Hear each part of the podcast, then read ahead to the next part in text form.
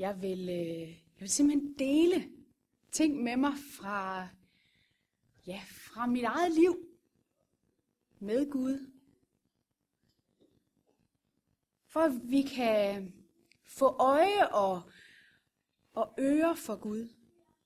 Øh, nogle gange så har jeg det i hvert fald sådan, at det øh, nogle gange kan være svært at få øje på Gud, og jeg kan nogle gange sådan, mm, Gud, er du der? Og, øh, og man glemmer nogle gange de store øjeblikke, man har haft, og de små øjeblikke, man har haft. Og jeg vil godt lige starte med at, øh, at læse fra Matthæus 7. Bed, så skal der gives jer. Søg, så skal I finde. Bank på, så skal der lukkes op for jer. For enhver, som beder, får, og den, som søger, finder, og den, som banker på, lukkes der op for.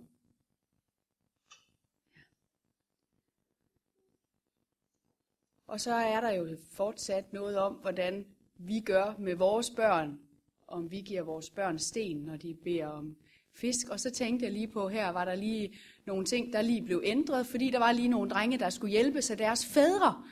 Og jeg tænker, Gud han er jo bare endnu mere hjælpsom. Endnu mere gerne vil, vil hjælpe os, når vi er i nød. Det synes jeg lige var et super godt billede lige. I anden kongebog, det blev sådan meget, øh, meget levende for mig for ikke så lang tid siden en gudstjeneste, hvor jeg var til. Øh, det, var, øh, det var Elisa, der skulle, øh, der skulle komme med et, øh, han skulle simpelthen søge Gud. Og han siger, øh, men hent mig nu en, der kan spille. Altså, få nu fat i en, der kan spille for mig, så jeg kan bruge det til at søge Gud.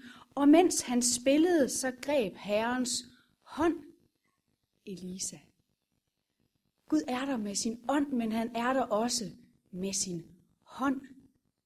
Og jeg ved godt, at der er noget forskel på gamle og nye testamenter og ånd og hånd og alt det der. Men det var bare, det blev så virkeligt for mig, at vi taler så meget om, at Gud, Guds ånd kommer, men Guds hånd kommer også. Han griber både ind med ånd og med hånd. Hvorfor er jeg kristen? Hvad betyder det i min hverdag? Hvor kristen er du? Det svar, eller det spørgsmål fik faktisk øh, vores den mellemste datter Sanne, da hun lige var startet. Øh, hun går på KG i Ringkøbing og var så startet med at arbejde i hjem og fix derop, og så spørger øh, souschefen hende, hvor kristen er du egentlig? Og som hun siger bagefter, har jeg overvejet godt nok meget at svare 5 meter. Men fordi hun sagde, at det kan jeg jo ikke svare på. Det er jo ikke, øh, det er jo ikke noget med, hvor kristen man er. Så hun synes egentlig, at 5 meter, det var egentlig et meget godt svar. Øhm. Men hvad gør Gud i mit liv? Synes jeg er mere relevant, end hvor kristen jeg er? Hvad er det, Gud gør i mit liv? Og får jeg øje for det Gud, han gør? Fortæl en lille en vildhed, en historie om, øh, der var en kvinde, der var ved lægen, og hun sad sådan over ved lægen og synes, det var svært at sige til, til ham, hvad problemet var. Jo, ser du, siger hun, jeg har simpelthen så meget luft i maven. Jeg prutter bare altid. Men altså heldigvis, siger hun, så er der hverken lyd på eller lugt. Så det er ikke sådan, men, men der må, der, det er jo ikke sådan, at det generer andre, eller jeg bliver jo ikke flov over det, men, men der må jo være noget galt. Altså bare mens vi har siddet her og talt, siger hun, så har jeg pruttet adskillige gange. Okay, siger lægen, det må vi have gjort noget ved. Øh, du, får lige nogle, øh, du får lige nogle piller her, dem skal du så tage, og så skal du komme igen om en uge. Og kvinden hun tager hjem og tager de her piller, og da hun kommer igen om en uge, så, så spørger han, hvordan går det så? Jamen, siger hun, det, det, det er blevet meget værre, siger hun. Jeg prutter stadigvæk lige så meget, men nu lugter de ganske forfærdeligt. Ja, siger lægen, så mangler vi kun at gøre noget ved din hørelse. Har vi nu blikket det rigtige sted? Eller fokuserer vi på noget helt forkert? Ser vi problemet i det, som slet ikke er et problem? Jeg troede, jeg vidste, hvem Gud var. Jeg havde faktisk oplevet bøndesvar som barn. Egentlig uden at jeg ved, hvor jeg sådan lige kendte Gud fra, og hvorfor jeg søgte Gud. Så gjorde jeg det en dag. I, øh, jeg sidder på gyngen ude i vores have. Det er jeg er fra Vorbasse, det var Vorbasse Marked. Og øh, jeg havde fået sådan en spillemønt af min storebror. Og jeg elskede enarmede 20 knægte. Og, øh, og den her mønt, øh, vi havde ikke mange penge. Det var ikke sådan, at jeg bare kunne altid få en 25 øre eller en, en spillemønt af min mor og far. Men jeg havde fået den her min storebror. Og, øh, og jeg glædede mig sådan, til vi skulle afsted. Og nu havde mor faktisk sagt, at nu skulle vi gå ud og, øh, og få sko på, for vi skulle til afsted. Og så kunne jeg ikke finde den her mønt. Jeg havde lagt den, synes jeg selv, et sikkert sted. Jeg havde simpelthen puttet den ind under mit ur. Og nu havde jeg tabt den. Og jeg sad her på gyngen og var, var meget ked af det. Og så, så bad jeg til Gud, om han ikke godt ville hjælpe mig med at finde den her mønt. Vi havde altså en rigtig stor have, og især en stor græsplæne. Men på vej ind, for at få tage mine sko på, så fandt jeg mønten i græsplænen. Det er måske så lille, men, men det havde alligevel betydet noget for mig. Fordi jeg, jeg kan bare huske, at det senere var noget, og også den dag i dag, hvor jeg tænker, okay, Gud han var faktisk også hos mig, inden jeg var bare en halv meter kristen. Der var Gud hos mig, og han svarede mig. Jeg havde ikke, øh, jeg kendte fadervor, men jeg, jeg ved faktisk ikke, hvor jeg havde lært det henne. Øhm, til spejder, tror jeg. Øhm, det var nok der, jeg sådan egentlig lærte Gud at kende. For jeg kendte fader, hvor jeg kendte flere af salmerne. Jeg vidste, hvornår man skulle rejse sig op under gudstjenesten. Øh, det var folkekirken dengang. Jeg kunne holde andagt. Og jeg mente faktisk også, at det var vigtigt at være god ved sin næste. Jeg mente, at Gud og kristendommen var et livssyn. Jeg var spejderleder, men ellers så var mit liv nok ikke meget præg af sådan en gudsnærhed. Eller det gjorde det i hvert fald. Ikke sådan, at det var noget, der kunne ses af andre. For det, det liv, jeg levede, var absolut ikke sådan et Guds billede af et godt kristent liv. Jeg var rigtig meget i byen. Og med det der fører med sig der. Og det gjorde også, at jeg øh, blev gravid. Uden at øh, jeg ville fortælle, hvem faren han var. Og, øh, og da Jakob han blev født, så skulle han selvfølgelig døbes. Han fik et kors i gave og så videre. Men det var sådan en, en, krist, sådan en kultur. Det var ikke noget, der sådan inderst inde sådan betød, jeg havde ikke Gud med i min hverdag. Øhm. Jakob han dør, da han er ni måneder gammel.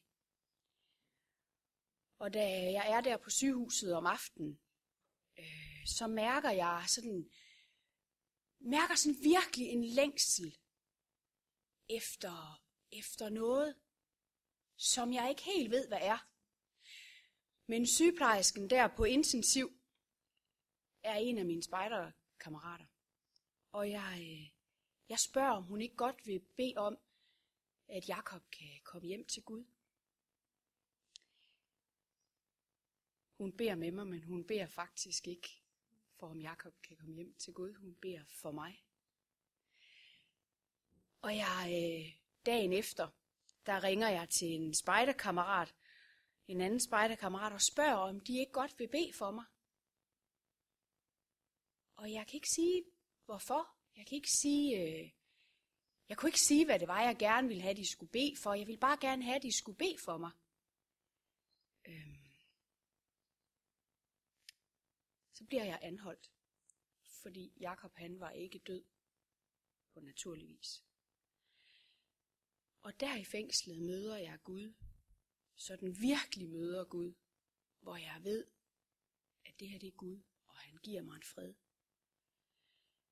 Jeg sidder i, øh, jeg sidder i, i detentionen på det tidspunkt, fordi jeg blev anholdt, og ham, der havde passet Jakob, blev også anholdt. Og han blev afhørt først, imens jeg sad og ventede. Øhm, detentionen er ikke noget ret sted at være. Der er øh, skrevet, hvis man tager sådan et offentligt toilet, og så bare ganger det vildt mange gange, så ser væggene sådan ud. Øh, jeg har ikke noget med mig, for det måtte jeg ikke. Øh, hvordan folk har kunne skrive, fordi alle lommer bliver tømt, før man bliver øh, sat i celle, det ved jeg ikke. Men der stod i hvert fald alt muligt, som jeg i hvert fald ikke havde lyst til at læse. Og der er sådan en, en, en briks, ligesom ved lægen, med den der gummimadras på. Og der sidder jeg. Og så begynder jeg at synge. Synger en salme, som, som min far faktisk havde lært mig. Han havde lært mig den, fordi min matematiklærer i min poesibog havde skrevet det sidste vers. Der havde hun skrevet, Kæmp for alt, hvad du har kært, dø om så det gælder.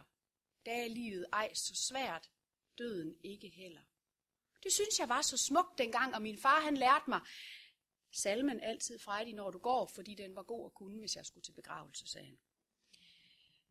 Men her, der var det ikke første vers, der betød noget. Men det var andet vers. Aldrig red for mørkets magt. Stjernerne vil lyse. Med et fadervor i pagt skal du aldrig gyse. Og jeg sang bare det vers igen og igen, og mærkede lige pludselig den der fred. Sådan, den der fred, som kun dem, der har mærket Guds fred, tror jeg kender. Jeg faldt faktisk i søvn. Øhm, og jeg havde faktisk ikke sovet stort set i de to døgn, der var gået, siden Jakob han var død. Politiet undrer sig faktisk over, da de kommer og henter mig, at jeg sover. Det skal så lige siges, at jeg aldrig blev sigtet. Jeg var aldrig nogensinde mistænkt. Øh, jeg bliver afhørt og bliver kørt hjem igen. Og sådan for at slutte historien lige om Jakob, så øh, den anden mand, der havde passet Jakob, der blev anholdt sammen med mig, han blev dømt for vold med døden til følge. Øh. Og derefter, da jeg kom hjem, så vidste jeg godt, at nu havde jeg noget, som kunne, øh, som kunne give mig en fred. Det var, det var meget større end den mønt, jeg havde fundet. Men jeg var ikke, jeg var ikke, jeg var ikke sådan fuldstændig bevidst om, at det var, om det var Gud og fader, søn og helligånd og sådan noget. Det var jeg slet ikke bevidst om på det tidspunkt. Jeg kunne bare mærke, at det sted, jeg kunne søge freden, det var faktisk i den sang, altid frejdig, når du går. På et tidspunkt, så glemmer jeg sangen. Jeg kan simpelthen ikke huske den, og jeg har i den grad brug for fred, og kan bare ikke huske sangen. Og det ender med, at jeg, øh, at jeg faktisk ringer til en øh, seminariekammerat, fordi jeg vidste, at hans far var præst, så han måtte kunne den. Det kunne han også, da han lige havde fået fat i en salmebog og, og synger den for mig i telefonen efterfølgende her. Jeg snakker med ham faktisk først 20 år efter. Fortæller han, at øh, hans klassekammer, eller hans, hans bofælder der på kollegiet faktisk havde undret sig rigtig meget over, at han havde stået der og sunget altid Friday, når du går. Det var ikke det, man normalt sang på kollegiet, vil jeg så lige sige. Men, men jeg mærker bare den fred. Med i fader, hvor i pagt skal du aldrig gyse. Det her, det er i september 94. De mm, uger, dage, måneder, der går derefter, der, øh, der støtter jeg mig rigtig meget til den her salme. Og så en dag øh, i februar 95, der bliver jeg inviteret med til et, øh, til et husmøde. Der var sådan en husmenighed i Vorbasse på det tidspunkt, og jeg bliver, øh, jeg bliver inviteret med til det her. Jeg ved faktisk ikke helt, hvad det er, jeg bliver inviteret med til. Jeg får at vide, at, øh, at øh, Una og Henrik, som, øh, som lige er flyttet til Vorbasse, har, har lidt brug for at få nogle nye venner og, og lære nogen at kende, og derfor så vil de gerne øh, holde sådan en aften, og jeg ved faktisk ikke helt, hvad det er. Men da, da så jeg kommer, så viser det sig, at vi synger nogle lovsange. Der kommer en, en mand, der hedder Ole Holm, og skal dele ordet med os, skal holde en andagt øh, tale, jeg ved ikke, hvad man skal kalde det. Og der bliver jeg vred. Ikke over, at de ikke har fortalt mig, hvad det er, men over, at de i den grad har udleveret mig til Ole. For han fortæller om øh, kvinden, der var grebet i ægteskabsbrud. Og det var jo mig. Det var jo mig, der stod der og var klar til at blive stenet. Det var jo mig, der var blevet grebet i hår. Det var jo mig, som ingen ville have med at gøre. Og det var det, jeg hørte, mens jeg sad der i min vrede. Da han er færdig med at, at tale, ja, jeg tror, hvis ikke jeg havde været opdraget til, at man ikke bare rejser sig og går og smækker med døren, så tror jeg, at jeg var gået. Men jeg blev, heldigvis. For da han er færdig med at tale, så synger vi noget mere, og så er der forbøn, og alle de andre går til forbøn, og så må jeg jo nok også hellere gøre det.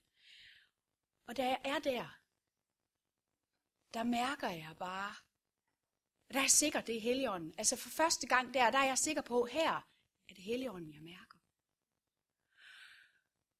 Og lige pludselig så hører jeg også alt det Ole han sagde om, at Jesus tilgav. At Jesus rensede den her kvinde. Og da vi havde bedt sammen og grædt og grint, og så siger Ole, der er et eller andet her, som jeg ikke kender noget til, siger han. Og så fortæller jeg ham min historie, og så siger han, det vidste jeg slet ikke. Jeg havde slet ikke fået noget at vide om dig. Men nu forstår jeg, hvorfor Gud, han ville have, at jeg skulle tale over det her sted i Bibelen. For jeg havde en anden tale klar. I kan bare invitere mig, siger han. Jeg har en anden tale klar. Men på vej hertil i bilen bliver Gud ved med at sige, du skal tale over det her. Og jeg bliver ved med at sige til Gud, der kommer ikke nogen i den her hus, husmenighed, som har brug for at høre det. Men hvor er jeg glad for, at Ole han lyttede til Gud. Det er jo ikke sådan, at det så bare fra den tid er nemt. Det er jo ikke sådan, at så bliver alting bare nemt. Gud havde tilgivet mig, og så var alt lyserødt. Sådan var det ikke. Og sådan er det stadigvæk ikke. Det er jo også det med at tilgive sig selv. Og det er det med at, at se på sig selv som værdig. Jeg gjorde mig klar til at, øh, at leve et liv alene. Det barn, jeg havde, var her jo ikke mere. Og jeg var sikker på, at der var ikke nogen, der ville have mig nu.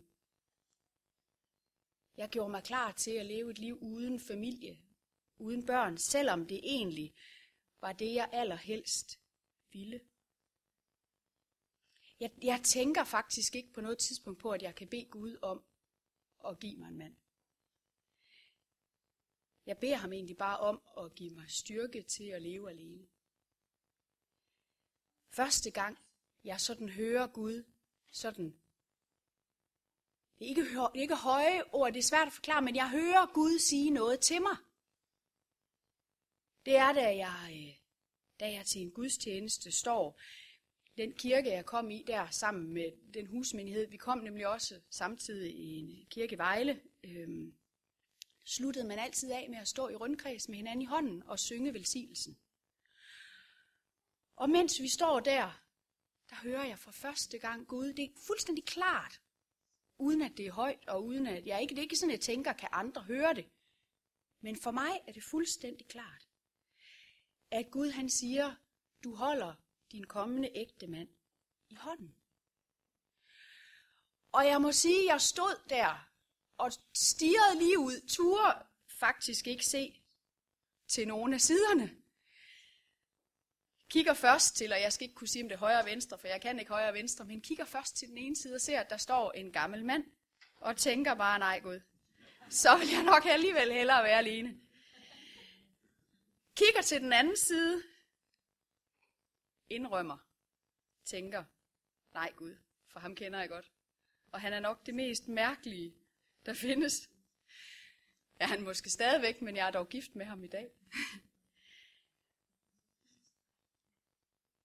Der hørte jeg bare den der, det er sådan helt, helt mærkeligt, at man på en gang kan høre noget så tydeligt, og så alligevel ikke høre det.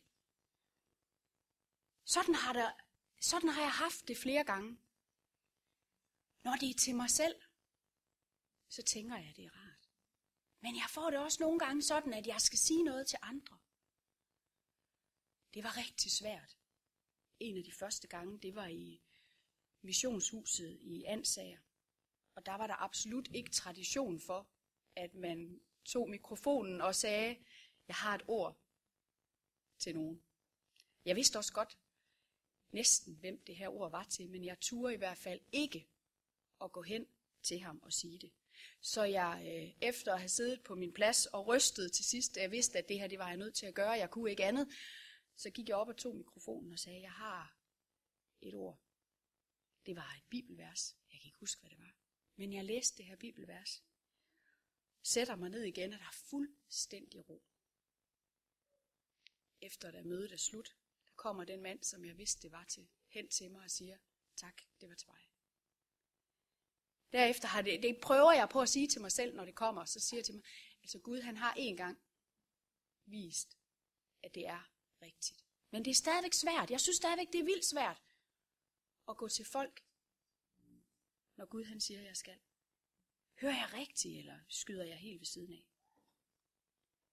En anden måde, Gud taler til mig på, det er meget mere bekvemt for mig. Det, det kan jeg egentlig bedre lide. Men, øh, men jeg ved også godt, at det andet er også rigtigt. Og det andet er også en udfordring. Og jeg ved, at jeg bliver velsignet, når jeg tager imod udfordringen. Men en anden måde, Gud taler til mig på, det er ved billeder. Øh, det kan være, når jeg beder. Det kan være, øh, det kan være når jeg sidder til en gudstjeneste, så, kan, så sidder jeg rigtig meget med papir og tegner. Og så, øh, så, så får jeg tegnet noget, som, øh, som jeg egentlig måske ikke ved, hvorfor jeg tegner. Øhm,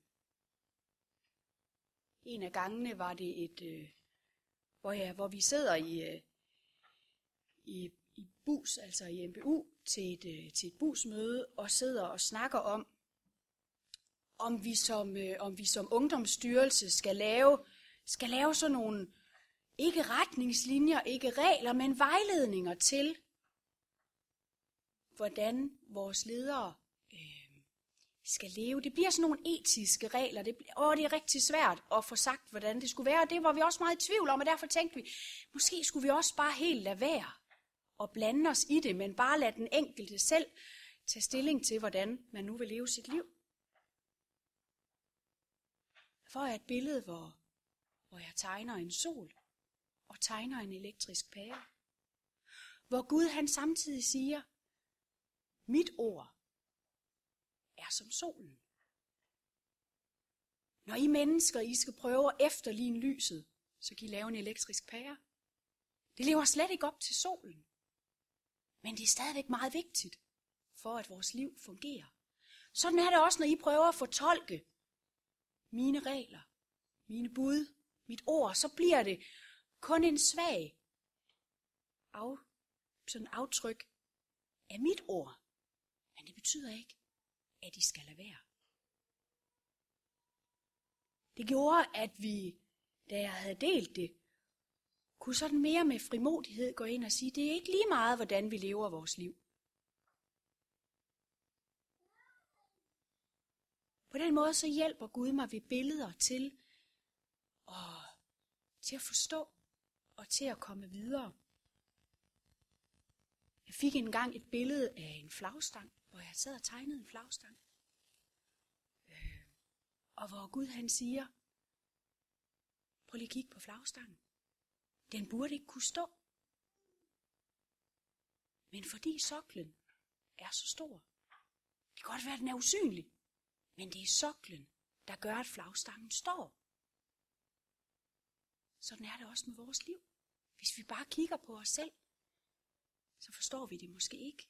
Men når vi har Gud med os, så står vi meget mere sikkert.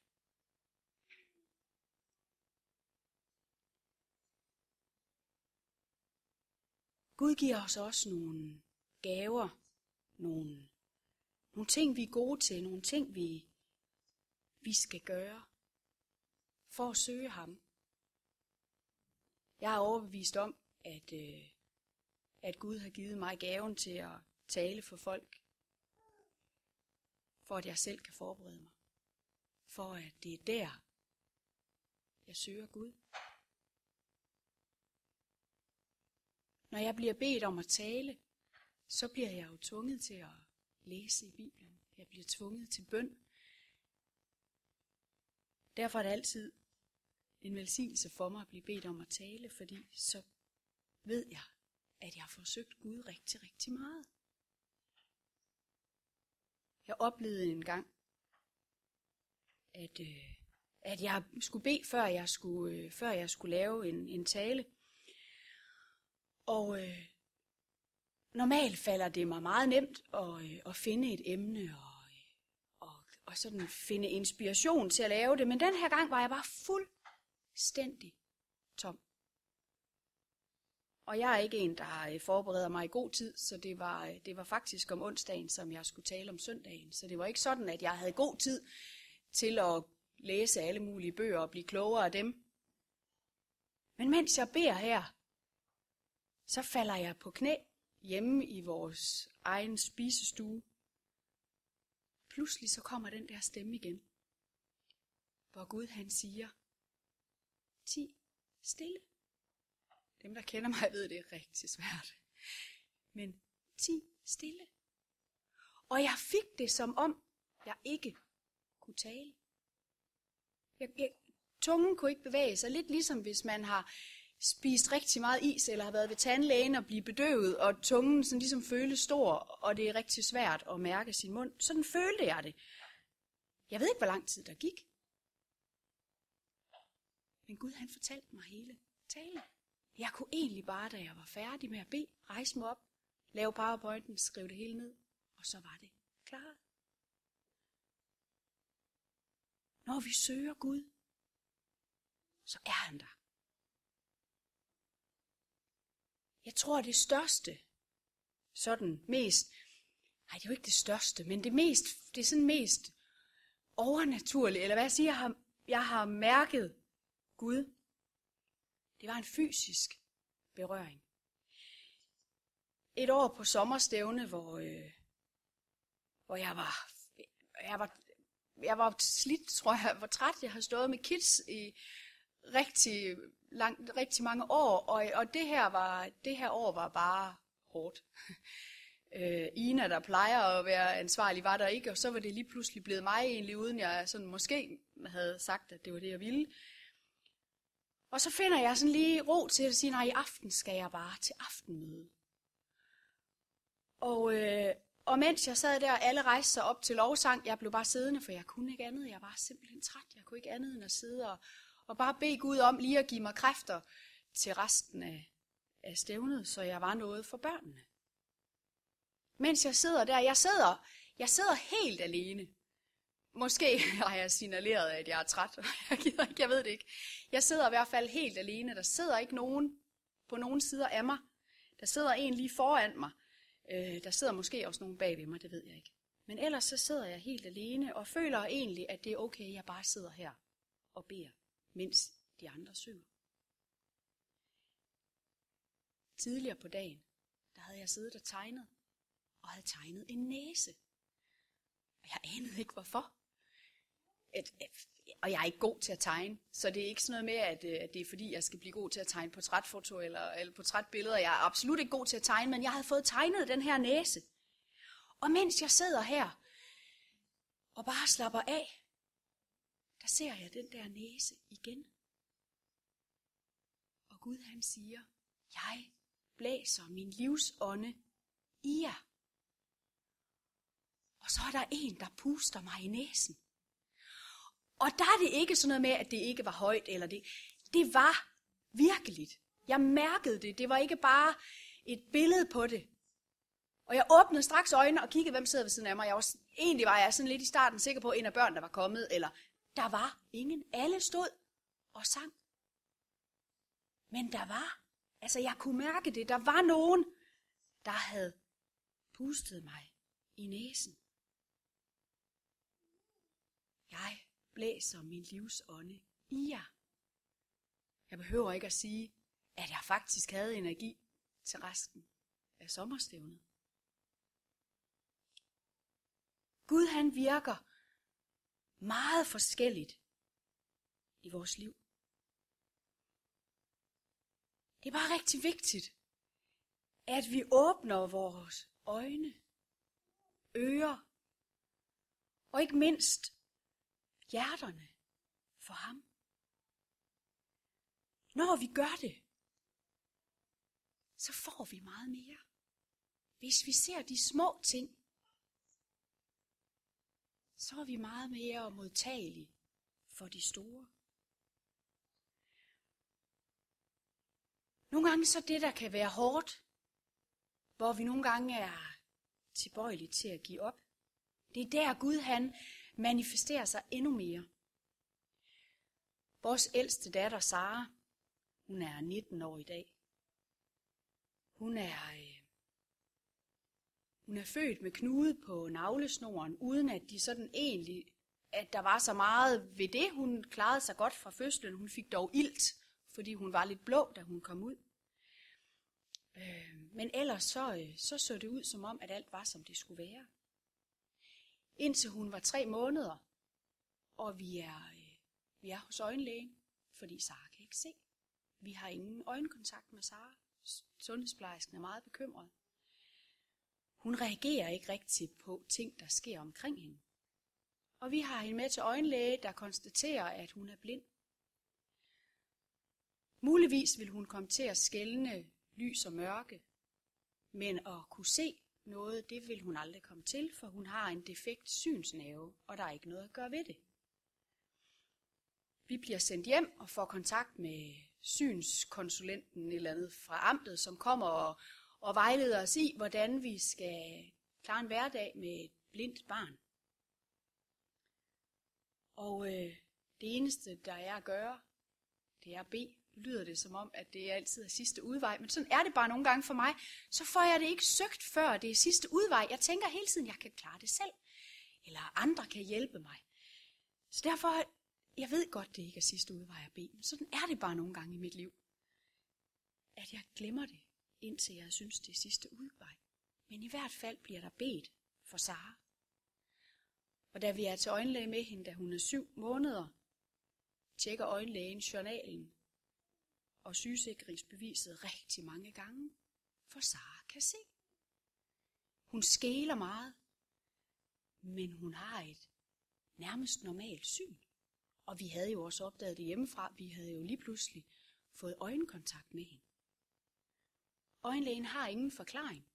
Vil dog alligevel gerne se hende, når hun er omkring et år, for lige at se, om det nu bliver ved. Men inden Sara hun er blevet et år, der har vi været afsted på sygehuset med hende, fordi hun, øh, hun ikke udvikler sig, som hun skal. Sara vender sig ikke. Hun ligger på ryggen hun kan godt sidde, men meget usikkert. Og hun er altså 10 måneder på det her tidspunkt. Og vi kommer på, øh, på sygehuset. Og efter 14 dage med ud og ind og mange undersøgelser og øh, nærmest øh, fået at vide, at ingenting var galt til, at, øh, at nu, øh, nu skulle vi bare komme, og det skulle være nu, så får vi at vide, at Sara er retarderet. Sara vil højst sandsynligt aldrig komme til at gå. Hun har ingen faldreflekser, det vil sige, at øh, at den der med, at vi andre tager fra, når vi falder, det gør hun ikke. Øh, hun vil i hvert fald aldrig komme til at klare sig blandt normale børn. Så vi får at vide, at hun skal i en specialinstitution. Øh, det, der var så ikke lige plads, så hun kom i en normal vuggestue øh, med en fysioterapeut på, som øh, aldrig nogensinde fik lov at røre hende, for hun skreg lige så snart hun så ham. Det var sådan, at da Sara var 10 måneder, var jeg højgravid, fordi da hun var 11 måneder, der havde vi fået barn nummer to. Så fysioterapeuten, han viser det på Sande, det vi kan gøre med Sara, fordi Sara kan han ikke komme til. Igen bliver der bedt meget for Sara. Og da hun er to år, der går hun. Da hun er tre år, får vi at vide, at hun i hvert fald ikke er retarderet. Men at hun da godt nok skæler ret meget. Vi får faktisk at vide af en læge, at hun bare har sit udseende imod sig. Og han indstiller hende til at skal opereres for skælen. Den samme operation, som Line lige har været igennem. Og vi beder jo for, at den her operation må gå rigtig, rigtig godt. Da vi kommer ned, Sara glæder sig helt vildt. Hun glæder sig helt vildt til at skal bedøves. Og, altså, Sara har måske ikke helt det samme syn på, hvad der sker i hverdagen, som så mange andre har. Men, men hun glæder sig helt vildt. Hun var fire år. Og da vi kommer ned på sygehuset, og lægen lige tjekker hende en sidste gang, og øh, lige beslutter sig helt, hvilket øje han skal tage, og, og hvordan og hvorledes, så skæler hun ikke mere. Og han har ingen forklaring. Og siden har hun kun skælet, når hun tager brillerne af og er træt. Så hun skælede ikke mere. Sara blev godt nok sur, fordi nu havde hun lige glædet sig til det. Men vi må køre hjem, uden at hun bliver opereret. Senere får Sara diagnosen ADHD og NLD. Det bøvler hun rigtig meget med i dag. Men det er bare samtidig en gave. Hun stod her sidst, jeg var her, tror jeg, og delte ting fra sit liv, som jeg ikke ville kunne få mine andre piger til at gøre. Ikke at de ikke oplever det samme med Gud, men de vil aldrig nogensinde have frimodigheden til at dele det. Den har Sara. Det er også svært for Sara, og Sara synes tit, at det er så træls, at hun ikke, øh, at hun ikke er ligesom alle andre. Men Gud, han skal bruge hende til noget. Det er jeg sikker på. Ligesom han skal bruge hver af os. Vi skal bare få øje på det.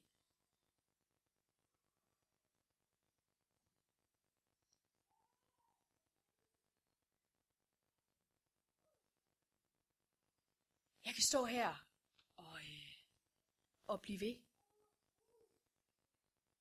Fordi efterhånden, som jeg står her, så kommer jeg i tanke om rigtig mange ting, som jeg heller ikke havde skrevet ned. Jeg vil slutte med en opfordring. Opfordring til jer alle sammen. Om at gå jeres egen troshistorie igennem. Allerbedst skriv den ned, hvis man er der, hvor man, hvor man gerne vil skrive. Indtale den på bånd, hvis man er der, hvor det er det, der virker. Eller det allerbedste. Dele den med andre. Våg måske at stille jer herop. Dele jeres troshistorie. Hvad var det? Ikke, ikke måske de nyeste. Men hvad var det, der fik jer til at komme tæt til Gud? Var det andre mennesker i jeres omgangskreds? Var det en åbenbaring? Er det noget, der bare kom langsomt? Men der er alligevel noget. Der er nogle øjeblikke, som får jer tættere til Gud. Og hvor I bare overhovedet ikke er i tvivl om, at Gud han er der. Det er til rigtig stor opbygning for jer selv. Men det er også til opbygning for andre. Og det giver en tryghed. Det giver en tryghed i, at hvis vi har husket på de, de, de ting, hvor Gud, de steder, hvor Gud han var der, i det små, så ved I også, hvor man, så ved I, hvor vi, vi ved, hvor vi skal gå hen, når det virkelig brænder på. Hvis ikke de fædre her var, havde fundet tørt tøj til deres drenge i dag, havde drengene så tur spørge om hjælp en anden gang. Men fordi I hjalp jeres drenge i dag, så tør de også næste gang. Så husk, og mind jer selv om, få øje på det Gud han gør i det små. Måske er det, at det var lige ved at gå galt i trafikken, men det gik ikke galt. Måske er det en, en fred, der kommer midt i sorg eller uro. Måske er det noget, måske det er en, et tidspunkt, hvor man bliver mindet om at besøge nogen. Sige noget. Gøre noget. Og opmuntre hinanden i, at det var godt. Det var ikke en tilfældighed, men det var Gud, der var der.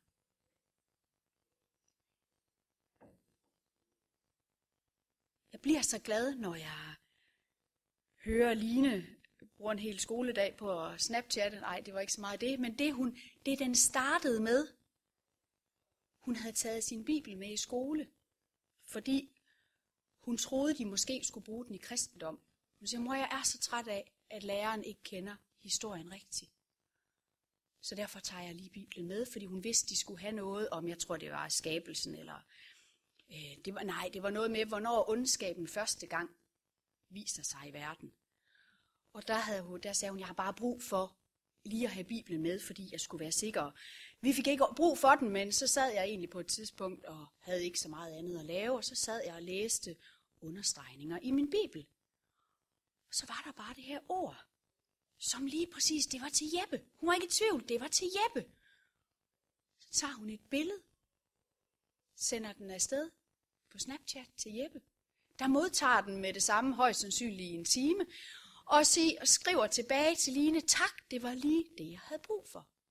At de så fortsætter skoledagen med at snappe til hinanden om alt muligt andet. Men at de kan dele. Dele det.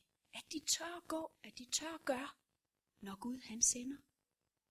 Den frimodighed vil jeg gerne have endnu mere af. Når Emil han, øh, han i skolen tør fortælle sine kammerater om, at, øh, at jeg hedder Christensen, fordi jeg er kristen, som han siger. Fordi jeg tror på Gud. Så bliver jeg, så bliver jeg glad. Jeg bliver også lidt misundelig over, at jeg ikke selv havde den barndom, og at jeg ikke selv måske er så frimodig mest af alt, så bliver jeg glad. Men en, husk at søg Gud der, hvor der i det små, der i det daglige. Hvis ikke jeg havde gjort det, så det sidste, jeg vil dele med jer, det var, hvor jeg var tæt på ikke at søge Gud, fordi det var for svært. Fader, hvor som vi synger i sangen. Med et fader, hvor i pagt skal du aldrig gyse. Fader, hvor har altid været rigtig, rigtig vigtig for mig. Det var også, kan man sige, den eneste måde, jeg havde lært at bede på, indtil jeg var 22. Så, så på den måde har det bare altid været der. Og jeg ved ikke, jeg tror ikke, at jeg er den eneste, der kan fadervor i søvne og uden ad og uden overhovedet at tænke på, hvad man har bedt, og når man er færdig, så tænkte jeg, okay, hvad er egentlig det der med, at man giver os i dag vores daglig brød? Men nogle gange, så får jeg øje på den enkelte bøn. Og på et tidspunkt fik jeg øje på bønnen, forlad os vores skyld. Det synes jeg jo, Gud havde gjort. Han havde tilgivet mig, det havde han sagt. Som også vi forlader vores skyldnere.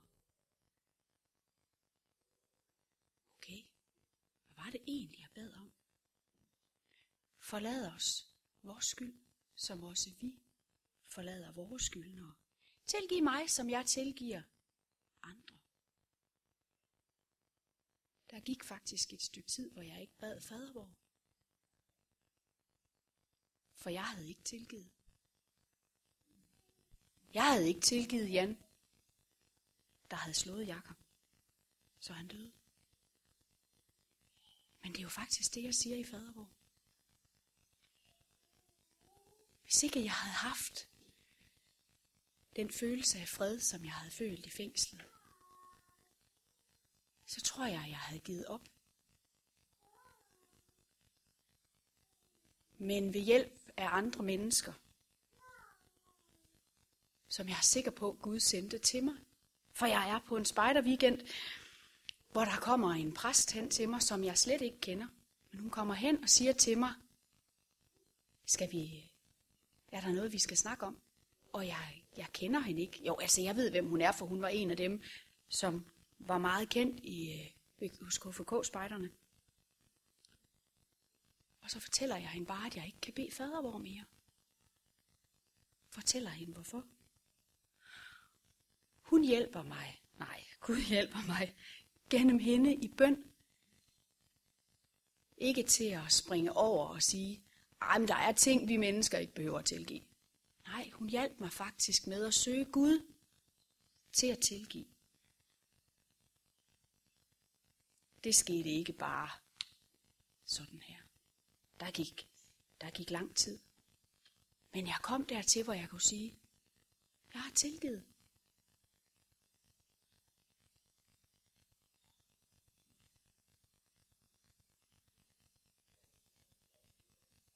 Det tror jeg også er rigtig vigtigt, at vi kan tilgive. Men vi kan kun tilgive.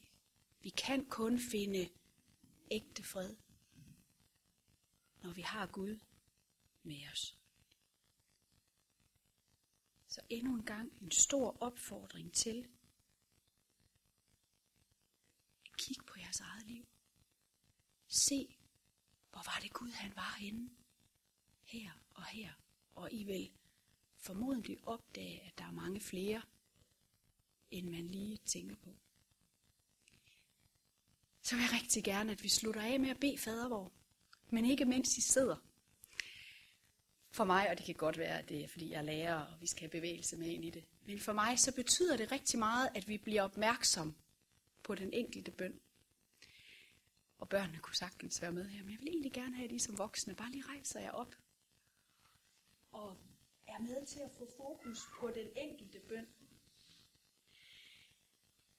Så når vi beder, nu gør jeg det bare lige at vise jer og forklare jer, så gør vi det bagefter sammen. Fader vor, du som er i himlen. Og hellige, og at blive hellig er at være perfekt, så vi skal lave sådan en perfekt rund cirkel. Helliget blive dit navn. Komme dit rige. Stort rige. Ske din vilje på jorden, som den sker i himlen. Giv os i dag vores daglige brød, eller brød, hvis man er sulten. Nu bliver jeg helt. Forlad os vores skyld. Forlad os vores skyld, som også vi forlader andres skyld. For, forlader andre andre vores skyldnere.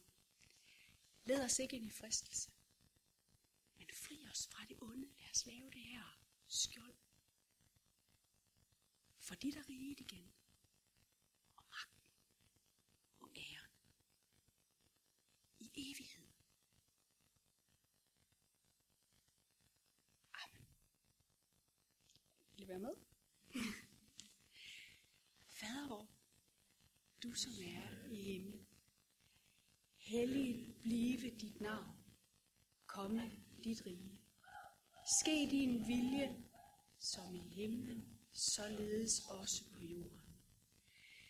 Giv os i dag vores daglige brød. Forlad os vores skyld, som også vi forlader vores skyldnere. Led os ikke ind i fristelse, men fri os fra det onde. For dit er riget og magten æren i evighed.